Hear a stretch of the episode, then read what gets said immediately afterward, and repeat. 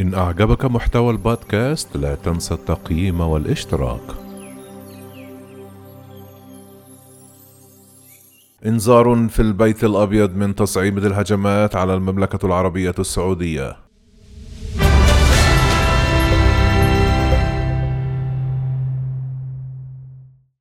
قادت الولايات المتحدة الإدانة العالمية يوم الاثنين لمحاولة شن ضربات جوية على المملكة العربية السعودية وسط تكهنات متزايدة من قبل محللين بشأن نقطة انطلاق الهجمات.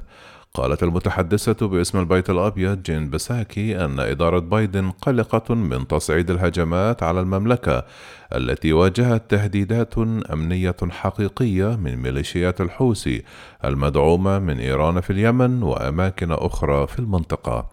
وقالت بساكي نحن بالطبع نواصل العمل في تعاون وثيق مع السعودية بالنظر إلى التهديدات أحبطت الدفاعات الجوية السعودية هجمات يوم الأحد بطائرات بدون طيار وصواريخ على سائحة تخزين النفط في رأس تنورة.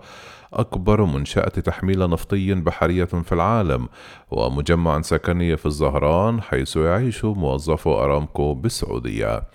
قالت سفارة الولايات المتحدة في المملكة أن الاعتداءات الشنيعة على المدنيين والبنية التحتية الحيوية تظهر عدم احترام الحياة البشرية وتجاهل جهود السلام تقف الولايات المتحدة إلى جانب المملكة العربية السعودية وشعبها التزاما بالدفاع عن المملكة وأمنها ثابت. كما ندد بالهجوم مجلس التعاون الخليجي والبرلمان العربي ومنظمة التعاون الإسلامي ومتحدثون باسم حكومات البحرين ومصر وجيبوتي وقطر والكويت ومصر. واعترض التحالف بقيادة السعودية في اليمن الاثنين صاروخا باليستيا وطائرة مسيرة مسلحة أطلقتها ميليشيات الحوثي باتجاه جنوب المملكة. وزعم الحوثيون أيضا أنهم شنوا هجمات الأحد على المنطقة الشرقية ومع ذلك فإن الأهداف تقع على بعد 1300 كيلومترا من شمال اليمن خارج نطاق أي صواريخ باليستية ومن المعروف أن الحوثيين يمتلكونها وقد اقتربت محاولة الضربة بطائرة بدون طيار من البحر مما يوحي بأنها لم تنطلق من اليمن. قال المحلل السياسي السعودي حمدان الشهري أن الهجوم ربما جاء من جماعات شبه عسكرية مدعومة من إيران في العراق. وقال العرب نيوز هذا من شأنه أن يخفف الضغط على الحوثيين بعد الضربات العسكرية الأخيرة من التحالف الذي تقوده المملكة. كانت هناك هجمات سابقة كان من الواضح أنها من العراق.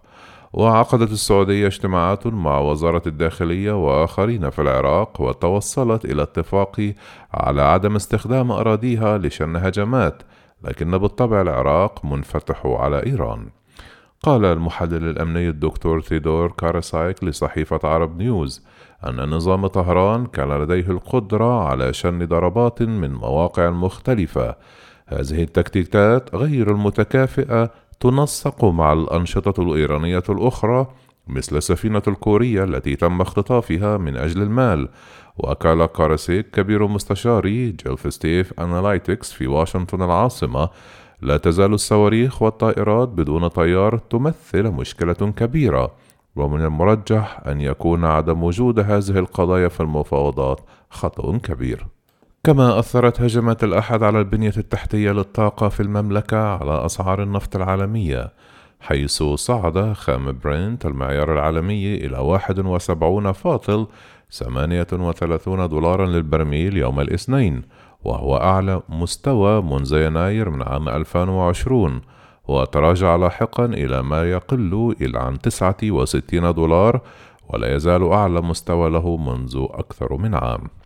قال خبير الطاقة الكويتي حجاج بن خضور أن تهديد صناعة الطاقة السعودية محاولة إيرانية متعمدة لتعطيل إمدادات النفط العالمية وقال تتمثل استراتيجية النظام الإيراني في رفع أسعار النفط من خلال تنفيذ هجمات إرهابية من خلال وكلائه للتغلب على أزمتهم الاقتصادية وأضاف يجب على العالم أن يدين بشدة الهجوم على منشآت النفط السعودية والبنية التحتية من أجل استقرار الاقتصاد العالمي.